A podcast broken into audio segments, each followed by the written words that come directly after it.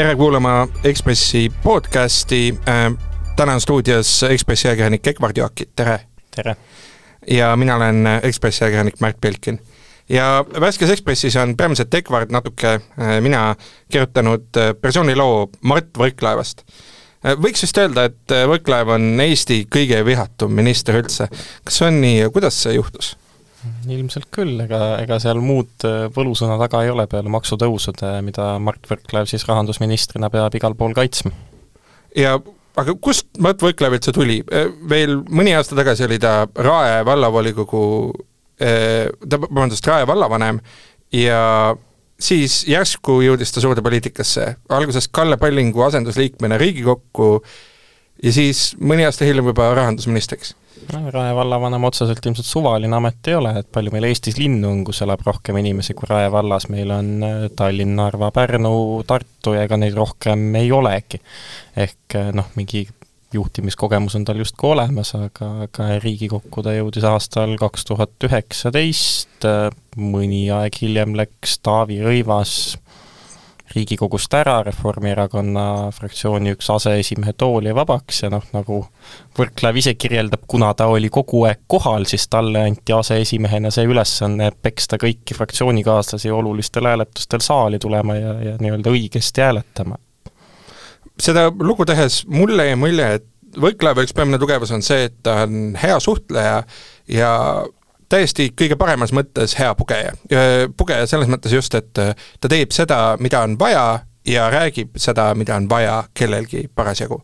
ja samal ajal ta ei tee asju, mis on tema põhimõtetega vastuolus, sest et ta ongi väga ideoloogiline inimene. aga siiski ta oskab leida just nimelt seda kohta, kus tal on kõige suurem mõjujõud. kas sulle jäi sarnane mulje? Noh, ühest küljest, kui sa nii kiire tõusu teed, ilmselgelt sa pead Kaja Kallasele meeldima, et noh, kõrvalt on väga keeruline öelda, kui palju ta selleks pugema pidi, aga samas äh, jääb mulje, et isegi kui seal mingi pugemine toimus, siis äh, Võrklaev tegelikult äh, usub kõigesse sellesse, mida ta teeb, et ta usubki, et meie riigieelarve on nii kehvas seisus, et me peaksime äh, väga jõuliselt kärpima ja noh, kui koalitsioonipartnereid ei oleks, siis ta võib-olla teeks seda veel agressiivsemalt, et nagu seal oli üks näide Rae vallast, et juba seal Võrklaev äh, keeldus palkamast juurde ametnikke ja ametnike palka tõstmast, kuigi koalitsioonipartner pidas seda noh, pigem vajalikuks, vaadates, et naabervaldades ametnikud teenisid rohkem raha, mis tähendas, et inimesed läksid pigem sinna tööle. aga räägime algusest, Võrklaev lõpetas äh, koolijärje kaks tuhat kolm, ta käis Jüri gümnaasiumis, sina oled vist samast koolist pärit, ta on su koolivend? nojah, me vist koos ei ole koolis käinud küll kunagi, aga mm. -hmm. aga siis, siis ei oleks vist keegi arvanud väga, et temast võiks poliitik saada? Võrklaeva matemaatikaõpetaja ütles, et ta prognoosinuks pigem Võrklaev hakkab mingit laadi äriga tegelema, aga, aga ma saan aru, et Võrklaev ikkagi gümnaasiumi ajal mingeid asju ajas, et ta kuidagi käis seal Tallinna Reformi noortega läbi see võib-olla isegi natukene häguseks, et kas ta oli ka ametlik liige või mitte, aga noh, hilisemast joonistub siiski välja see, et Võrklaev ei ole kunagi töötanud nii-öelda klassikalise alustava poliitiku töökohal ehk kuskil ministri või fraktsiooni või, või linnavolikogu fraktsiooni juhtmena, et noh, ma ei tea, kui palju see tema, tema hi-, hilisemat karjääri mõjutab, et tal ei olnud seda äh, noh, positsiooni, kus õppida seda kõige õigemat poliittehnoloogiat, kust oli läbi käinud näiteks Pentus-Rosimannus ja Michal ja, ja, ja nii edasi. et ta ei ole nii-öelda poliitilise süsteemi produkt, vaid ta on inimene, kes on poliitikasse läinud? just, noh, mõttes, et ta jõudis poliitikasse üsna noorelt, aga, aga ta jõudis sinna lõpuks ikkagi nii-öelda vallavalitsuse süsteemi kaudu, et nii-öelda noh, ametnikust tehti poliitik, et noh, võib-olla natukene võrrelda oma aeg, kuidas Riina Sikkut poliitikasse toodi, kuigi seal on see tugev vahe, et Riina Sikkut oli oluliselt kõrgema taseme ametnik ja oluliselt äh, äh, edukama karjääri tolleks hetkeks teinud kui Mart Võrklaev, aga jah, tal on nagu ikkagi see mingi poliittehnoloogia algkool kuskil seal läbimata, mille, mille, mille nagu noh, mõned on väga osavalt läbinud, no kas või näiteks teistest erakondadest näide tuua Jüri Ratas, kes seal igasugu Savisaare nõunike ja kõigena veel töötanud on kui, kui võtta selline jah, traditsiooniline elukutselise poliitiku elu algustee, siis Võrklaeva äh, esimesed sammud on, on väga teistsugused, et ta õpetas keskkooli ära ja siis kõigepealt äh, läks Mereakadeemiasse õppima äh, ja ajateenistuse läbis mereväes. Ja ma saan aru, et tegelikult Mereakadeemias seda astus sisse, aga ta seal päevagi ei õppinud, et vahepeal, vahepeal mõtles võtta vaheaasta, käis mereväes ja siis avastas, et ups, Mereakadeemia asub Tallinnas, aga, aga kõik sõbrad on Tartusse kolinud, et tahaks ka sinna minna mm. -hmm. ja siis ta läks õppima Maaülikoolis kinnisvaraplaneerimist, aga aasta pärast otsustas ümber ja võttis hoopis maamõõtja õppekava, mis oli tasuta, versus kinnisvaraplaneerimine, mis oli tasuline. ja mõtles, et noh, et miks, miks siis maksta, kui, kui saab ka tasuta õppida. just. ja seal, seal tuleb ka tema erasektori kogemus, ma saan aru, aga ainult praktika käigus jah, et, et ta töötas maamõõtjana siis täpselt nii palju, kui oli vaja eriala lõpetamiseks neid praktikatunde kätte saada. või noh, maamõõtjana ta töötas ka hiljem sisuliselt Rae vallavalitsuses, aga, aga see oli siis juba noh, avalik sektor mm. -hmm. aga ühesõnaga, et sealt ongi põhimõtteliselt kogu tema erasektori kogemus pärit, need äh, mõned ajad ülikooli praktika käigus, mõned kuud? jah mm. -hmm. ja siis äh, kutsubki, kutsubki Rae vald äh, noore inimese kahekümne kolme aastasena äh, tagasi koduvalda just äh,, ametinimetuses täpselt oli maakorraldaja seal vallavalitsuses, et sellega on selline tore lugu, et kui kui eelmine maakorraldaja ei oleks ära läinud ja Võrklaeva ei oleks asemele palgatud, siis paar aastat oleks, paar aastat hiljem oleks Rae vallal tulnud õudne jama, sest äh, eelmine maakorraldaja siis siirdus Kiili valda ja paar aastat hiljem saime meediast lugeda, et äh, kuidas Kiili vallaametnik jäi vahele mingi tohutu hulga narkootikumide kaubitsemisega, pandi päris mitmeks aastaks ka reaalselt vangi mm. -hmm aga jah, toonane vallavanem, siis oli ta Keskerakonnas, Raivo Uukkivi, on siin loo jaoks öelnud, et toona oli Võrklaev selline hakkamist täis poiss, noor maakorraldaja ja, ja noh, hakkaja. et noh, täiesti teistsugune pilt võib-olla, kui, kui praegu televiisorist paistab, vähemalt Uukkivi jaoks ja no Uukkivi on, eks ole, Võrklaeva hilisema karjääri osas natukene kibestunud, eks mingil määral tuleb sellest, et kui Võrklaev oli juba vallavanem, siis Uukkivi oli valla, vallavolikogu opositsioonis ja Uukkivi on noh, ka ise natukene selline frukt, kes on suutnud oma elus jube paljude inimestega tülli minna, et ega päris niisama ei juhtu niimoodi, et ühel hetkel oled Keskerakonnas, siis oled sotsides ja siis astud sotsidest ka välja, oled parteitu ja kandideerid uuesti kuskil Keskerakonna nimekirjas, et noh, huvitav, huvitav inimene mm. -hmm. aga no just seesama, et äh, keskerakondlasest vallavanem no ütleb, et noh, et tema, tema Võrklaeva kutsus näitab meile tegelikult ju seda, et noh, seal ei olnud kuidagi mingisugust poliitilist äh, tausta, kui siis väga õrnalt, et peamiselt võeti ikkagi tööle ametnik, ametnik no, maakorraldaja. jah, seal ilmselt selle värbamise taust oli nagu see, et, et koht oli vaja täita ja inimesed teadsid, et äh, nii-öelda samast vallast pärit inimene on seda eriala lõpetamas, et siis tundus nagu mõistlik, mõistlik variant, kellele läheneda, et töökoht ära katta mm. -hmm aga siis hakkavad asjad päris kiiresti arenema, et noh, ta töötab veidi ametnikuna ja siis läheb kaks tuhat üheksa aastal esimest korda Reformierakonna nimekirjas kohalikele valimistele, saab seal nelikümmend neli häält.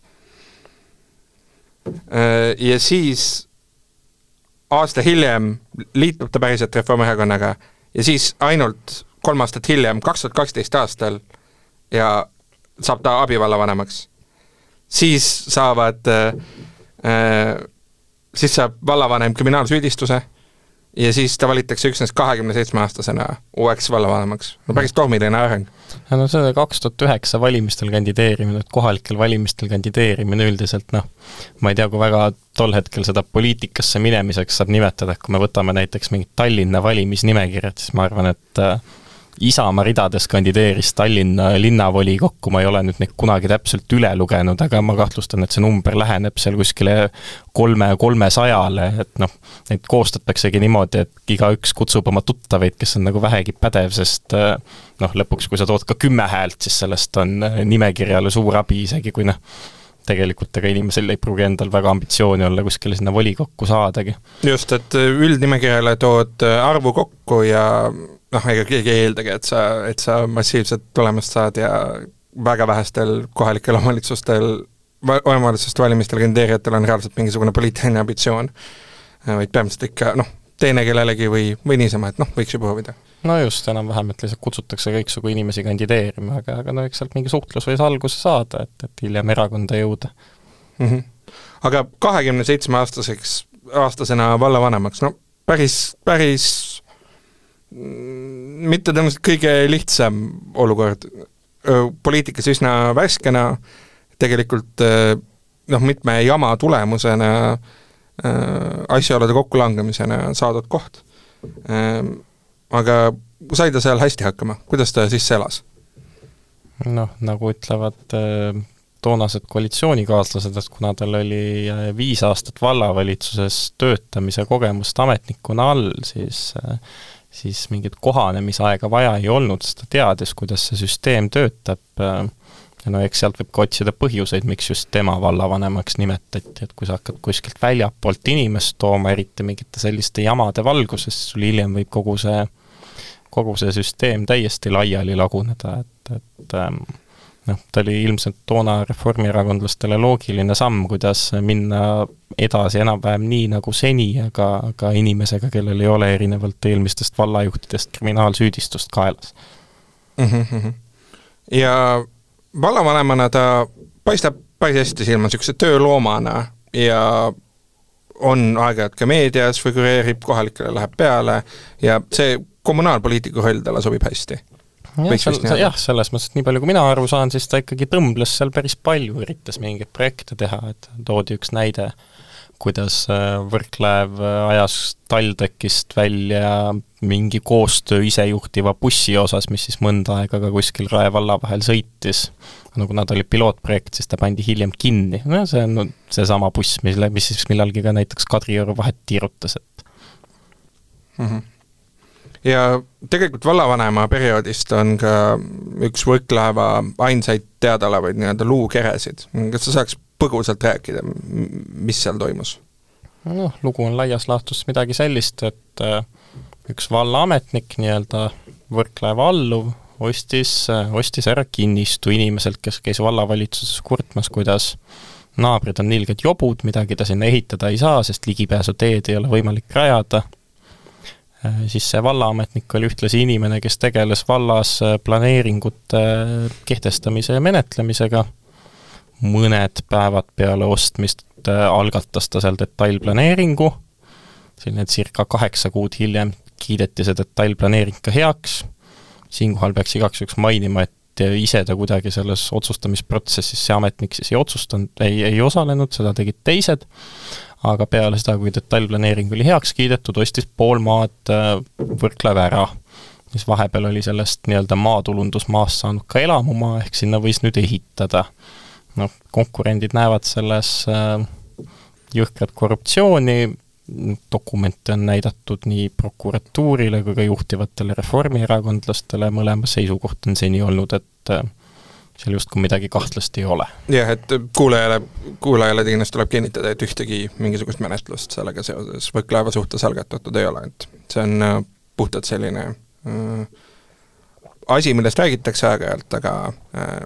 milles mingisugust süütegu uurimisorganid näinud ei ole. no just, seal on ilmselt taustal natukene ka kohalikku poliitikat, sest on üks volikogu liige, kes oli siis ka kunagi reformierakondlane, kellega Mart Võrklaev läks tülli põhjustel, mis puudutasid Rail Balticu trassi paiknemist ja siis tolle vallavolikogu liikme tütre detailplaneeringu menetlemise kiirust, tema siis käib ja, ja neid materjale levitab ja sellest palju kirjutab, et noh, eks seal ole ka kohaliku tasandi äh, inimeste solvumist taga lihtsalt. aga nagu sa vist ka enne põgusalt mainisid, siis noh, Rae vallas tegelikult hakkab see tänapäevane Mart Võt-, Mart Võrklaev nii-öelda välja kujunema. ehk siis äh, seal on juba selgelt näha seda, et kokku hoida talle meeldib väga. et äh, Rae vallas olid äh, palgad väiksemad kui naabervaldades ja pidevalt mõeldi säästmise peale, et kuidas kulusid kokku hoida ja ametnikkonda ta suhendada kohe üldse ei tahtnud no just, kogu raha pandi koolide ja lasteaedade ehitamisse, sest kui sul elanike arv äh, kasvab tuhande inimese võrra aastas, siis paratamatult inimestel on lapsed, kes on vaja kuskile panna ja inimesed on jube pahased, kui neil ei ole neid lapsi kuskile panna päeval mm. -hmm. aga suurde poliitikasse ta jõudis äh, noh, tegelikult tõesti väga hiljuti, kaks tuhat üheksateist aasta Riigikogu valimised, natuke napilt üle tuhande hääle oli see tulemus tal. ja parlamenti alguses saamiseks sellest ei piisanud see oli vist jah, kui ma õigesti mäletan, piirkonna kuues tulemus ja sealt Reformierakond sai siis viis mandaati, mis tähendab, et jäi esimesena välja, aga noh, nagu me oleme lugeda saanud, siis Kalle Palling otsis juba aktiivselt äh, kõiksugu firmadelt äh, igasugu toredate teenete eest tööd, küllap tal siis see lõpuks ka õnnestus ja siis, siis avanes Võrklaeval äh, tee parlamenti.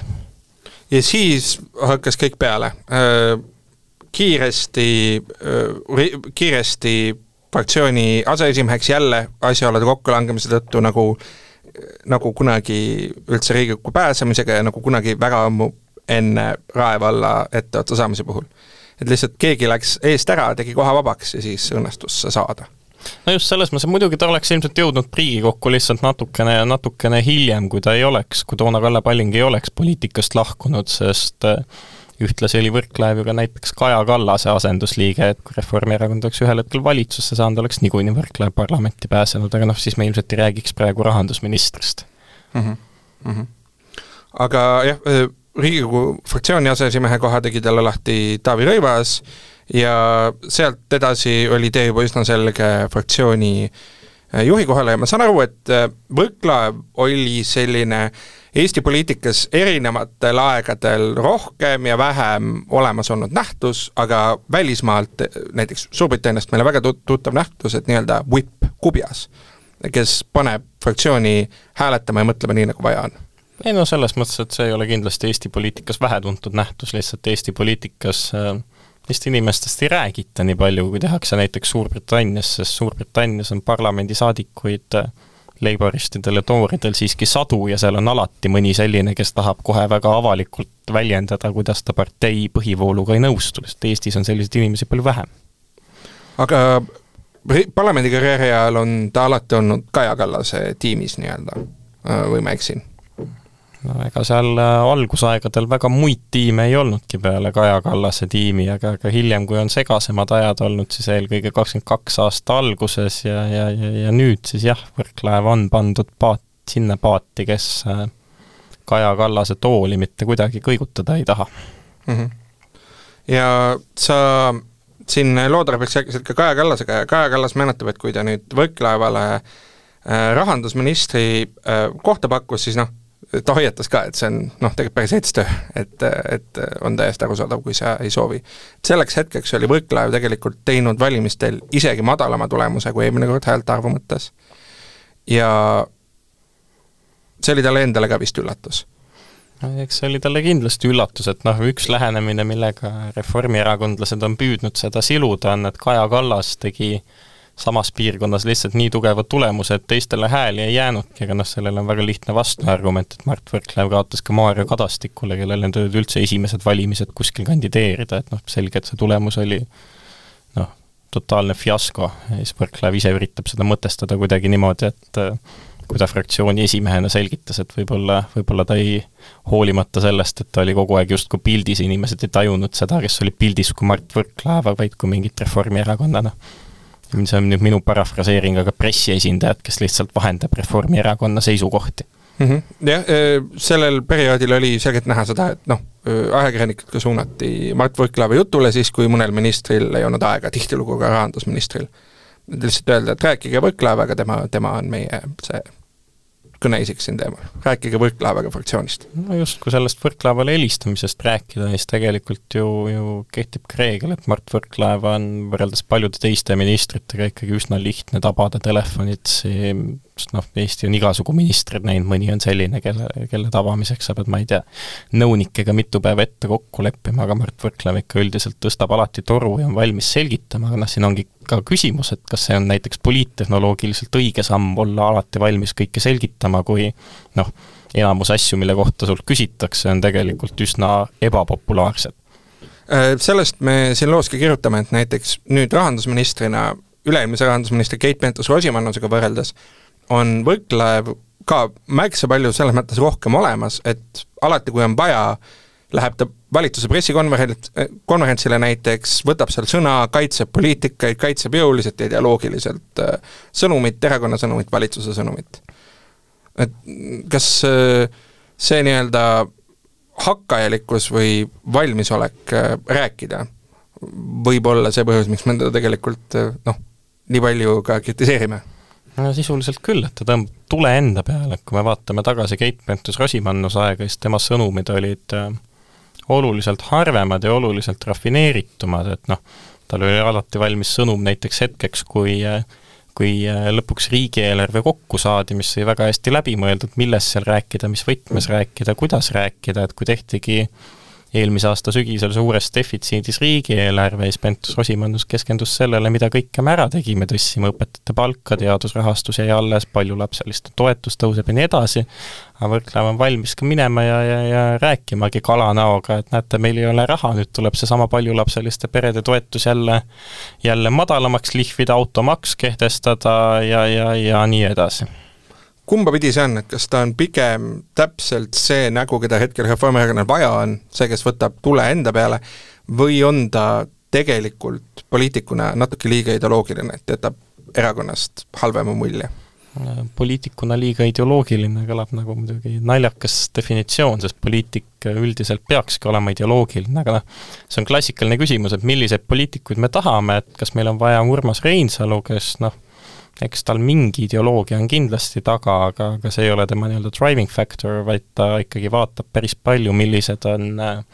meeleolud ühiskonnas ja mida rahvas parasjagu tahab, või me tahame saada poliitikuid, kes ongi jäigalt kinni oma ideoloogias ja teevad selle põhjal kõiki otsuseid, noh, eks mõlemal variandil on oma plussid ja miinused, selle ideoloogias kinni oleva variandi pluss ja miinus, või pluss on kindlasti see, et noh, ta on ikkagi üsna lihtsasti prognoositav, mida ta mm -hmm. teeb. kui sa tema poolt valimistel hääletad, sa võid kindel olla, millist poliitikat sa saad. noh, kui sa valid näiteks Urmas Reinsalu, siis sa ei saa olla kindel, millist poliitikat sa saad, sa saad kindel olla ainult selles, et sa saad seda poliitikat, millel on Urmas Reinsalu meelest parasjagu ühiskonnas kõige suurem toetus ajahetkel X mm. -hmm. aga samas see teatav jäikus, seda toovad välja nii ametnikud, kes tema heaks töötavad või temaga koostööd on teinud, koalitsioonipartnerid, ka mingil määral ettevõtjad, et ta on küllaltki paindumatu, eriti siis, kui käivad näiteks eelarvekõnelused või muud äh, sarnased asjad. et äh, te, temaga naljalt läbi ei räägi just selles mõttes, et äh, ümber teda ei painuta no läbi sa võid rääkida, aga, aga üldiselt läbiv joon paistab olevat see jah, et Võrklaeval on äh, Andrus Ansiplik komme rääkida oma vastane surnuks, ehk rääkida nii kaua, kuni ta annab alla ja Võrklaev võidab et see on täpselt see, mida meenutatakse Andrus Ansipi valitsuse ajast, kuidas, kuidas teatud otsuste tegemine käis, et kui Ansip oli ikka väga kindel, et seda peab tegema nii, siis ta rääkis nii kaua, kuni kuni teised lõid käega ja siis tehti nii, nagu Ansip tahtis seda teha mm. -hmm. aga missugune ta inimesena on või, või, või ministrina, on ta, on ta tõhus? no justkui võib öelda, et et on tõhus, kui vaadata, et pealtnäha mingid otsused on, on ära tehtud, mida tahetakse teha, isegi kui need on ebapopulaarsed, samas noh, võime ju ette lugeda ka kriitikat, mis on kostnud ka koalitsioonipartnerite ridadest, et mis meenub kohe, et kui kaua võttis aega automaksu eelnõu äh, ettevalmistamine ja nüüd, kui me vaatame hilisemast perioodist, seal on olnud ka päris palju tõmblusi selle ümbertegemiseks, sest selgus, et äh,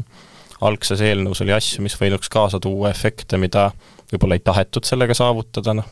viimasest nädalast meenub, et nüüd ikkagi vanemad autod tehakse kallimaks jälle, samamoodi koalitsioonipartnerid on ju olnud kriitilised, kuidas suvi läbi otsiti kokkuhoiukohti kümnete ja sadade tuhandete kaupa, aga tegelikult oleks pidanud asja vaatama palju laiemalt, nüüd meil on kuskil riigieelarves mingi neljasaja miljoniline auk, mis tuleb ära lappida, mida me nende sajatuhandeste kärbetega kindlasti ei lapi ja nii edasi. Mm. -hmm eks noh, näiteks automaks on ju hea näide sellest, kuidas minister räägibki kogu aeg räägib mõtetest, räägib sellest, mis äh, kava parasjagu töös on, kuidas ministeeriumis praegu mõeldakse, et kuidas võiks autosid maksustada ja nii edasi, samal ajal kui nii-öelda võib-olla klassikaline poliitik noh nii-öelda paneks tuima, nagu öeldakse, võimalikult palju, et noh, ütleb, et analüüsime, mõtleme ja siis ühel hetkel tuleb välja plaaniga ja siis kõik see kriitika ja vastumeel koondub mingisse perioodi ja ununeb mingi hetk. Äh, samal ajal kui praegu on meil olnud noh, sisuliselt kogu kaks tuhat kakskümmend kolm aasta me oleme rääkinud äh, automaksust äh, pärast valimisi. ei no just, klassikaline poliitika oleks teinud nii, et automaks oli koalitsioonilepingus kirjas, ta ei oleks sellest mitte midagi rääkinud, senikaua kuni eelnõu on valmis, siis noh, on mingi pressiesitlus, sinna ilmselt üldiselt minister peab kohale tulema, ajakirjanike küsimustele vastama, aga siis peale seda ei pea ta sellest jälle mitte midagi rääkima, kui, kui tahta vastuseid, võib ju alati küsida ministeeriumi pressiosakonnast ja küll need ametnikud midagi vastavad, äh, samamoodi Riigikogus tegelikult ei pea minister automaksu kaitsma, vaid selle jaoks on äh, on tema erakonnakaaslased äh, rahanduskomisjonist, kes lähevad selle eelnõuga Riigikogu pulti lahti, vähemalt eeldusel, et seda ei seota usaldusega, siis vist peab minister ise minema. ma praegu ei, ei, ei, ei oma infot, kas, kas ka see eelnõu on usaldusega seotud, tõenäoliselt on, et siis, siis ta siiski peab seda kaitsma minema.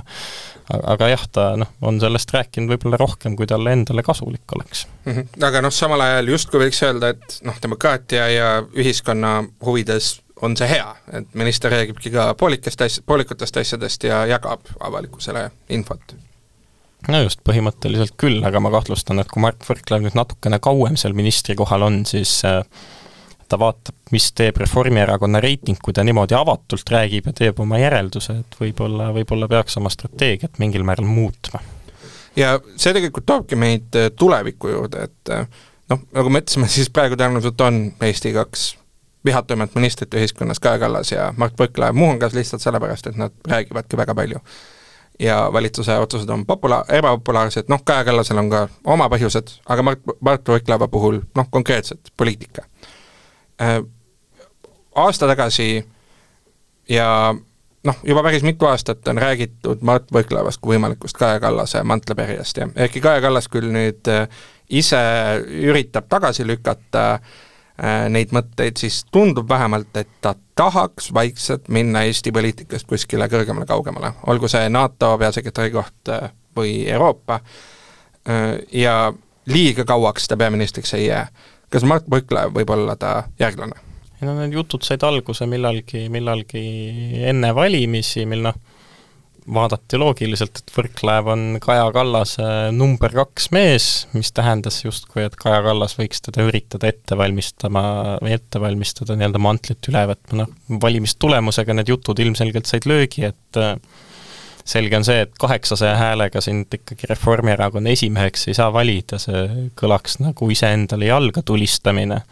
nüüd ongi küsimus, et kas Kaja Kallas on Eestis piisavalt kaua, et lõpuks, kui ta ametist lahkub, võiks tekkida olukord, kus Võrklaev on ikkagi kuskil valimistel näidanud ka okeid tulemust ja seega võiks olla ka nagu noh, tõsiseltvõetav kandidaat äh,. Paralleeli tuues siis muide Jürgen Ligi enne rahandusministriks saamist äh, oli tegelikult parimatel valimistel saanud natukene üle tuhande hääle, kõik need ta üle viie tuhande häälased valimised tulid peale seda, kui ta oli juba pikalt rahandusminister olnud, ehk noh, näiteks paralleelid, et Jürgen Ligi tegi ka karme otsuseid, aga tal oli vähemalt valijate mandaat, noh, need on sellised natuke kahtlase väärtusega, sest tegelikult ka kui Ligi rahandusministriks pandi, ega ta ei olnud mingi poliitilise maailma superstaar, selleks ta sai juba hiljem ministrina. Just, aga samas Jürgen Ligi on, on ka selles mõttes väga hea näide, et oleme ausad, eks tema nimega ajakirjanduses spekuleeriti, kui Reformierakond otsis äh, uut juhti, siis kui Hanno Pevkur juhiks sai ka enne Kaja Kallase tulekut. aga tegelikult oli üsna selge sellel perioodil, et tegelikult seda materjali temas ei ole, ta on liiga äkiline, liiga ideoloogiline ja ei jäta head muljet äh, avalikkusele. Ja ongi selline ideoloogia löökide enda, enda peale võtja ja tõesti superstaar, aga ilmselt mitte erakonna juht. Äh, vähemalt nii tagantjärgi meenutatakse mitmete Reformierakonna poliitikute poolt, kui, kui nendega sellel teemal rääkida. kas Võrklaeval on, on seesama häda või, või on tal mingisugune lootus päriselt saada kunagi peaministriks? Võrklaeva ligi nii-öelda iseloomujoontes on ikkagi päris suured vahed, ma ütleks, et ilmselt keegi ei kujuta ette Võrklaeva kuskil Esimese stuudio eetris Kadri Simsonit liiga palju kaagutamises äh, sõimamas või seal kuskil äh, Martin Helmega roppusi vahetamas, okei, ma ei tea, kas päris roppusi on vahendatud, vahetatud, aga vähemalt väga, väga karme sõnu küll, et Võrklaev on ikkagi noh, iseloomuomadustelt natukene neutraalsem valik kui Jürgen Ligi, et noh, ma arvan, Jürgen Ligi saab ka väga hästi aru, et äh, kui ta valitakse erakonna esimeheks, siis ta peaks oma suuvärki märksa rohkem taltsutama ja ma ei ole kindel, kas ta mhm. selleks valmis on, et sealt võib otsida ka põhjust, miks ta ei ole kunagi, kunagi isegi püüdnud Reformierakonna esimeheks kandideerida aga kui vaadata karjääri, siis noh, Võrklaev ise tahaks tõenäoliselt. et tundub, et ta tahab alati liikuda nii-öelda kõrgemale ja kaugemale. no just, seda ta ju ka tunnistab, et, et ega liiga kaua ühel ametikohal töötada ei viitsi, et tahaks justkui, justkui äh, karjääriteel järgmise sammu astuda ja muide, äh, natukene huvitav on muidugi ka mängida mõttega, et kui Kaja Kallas Euroopasse ei lähe, siis Reformierakonnal on ikkagi vaja eurovolinik nimetada, keda on Reformierakonnal sinna nimetada. Ansip ja Paetiga Kallas läbi ei saa, tundub väga väheusutav, et ta ühe neist nimetab, Pentus-Rosimannus saadeti juba Luksemburgi ära, arvestades, et eurovolinikul peaks olema ka ministri kogemus ja ilmselt vaadates Jürgen Ligi passi, siis ma kahtlustan, et ta ei ole väga huvitatud sellest ametikohast, siis kes on Kaja Kallase järgmine valik mm. -hmm. aga siinkohal äh, ongi hea koht lõpetada äh,, kindlasti soovitan lugeda Ekspressis seda lugu ja palju teisi lugusid ja äh, juba järgmisel nädalal uued teemad, aitäh, Egbert! aga palun!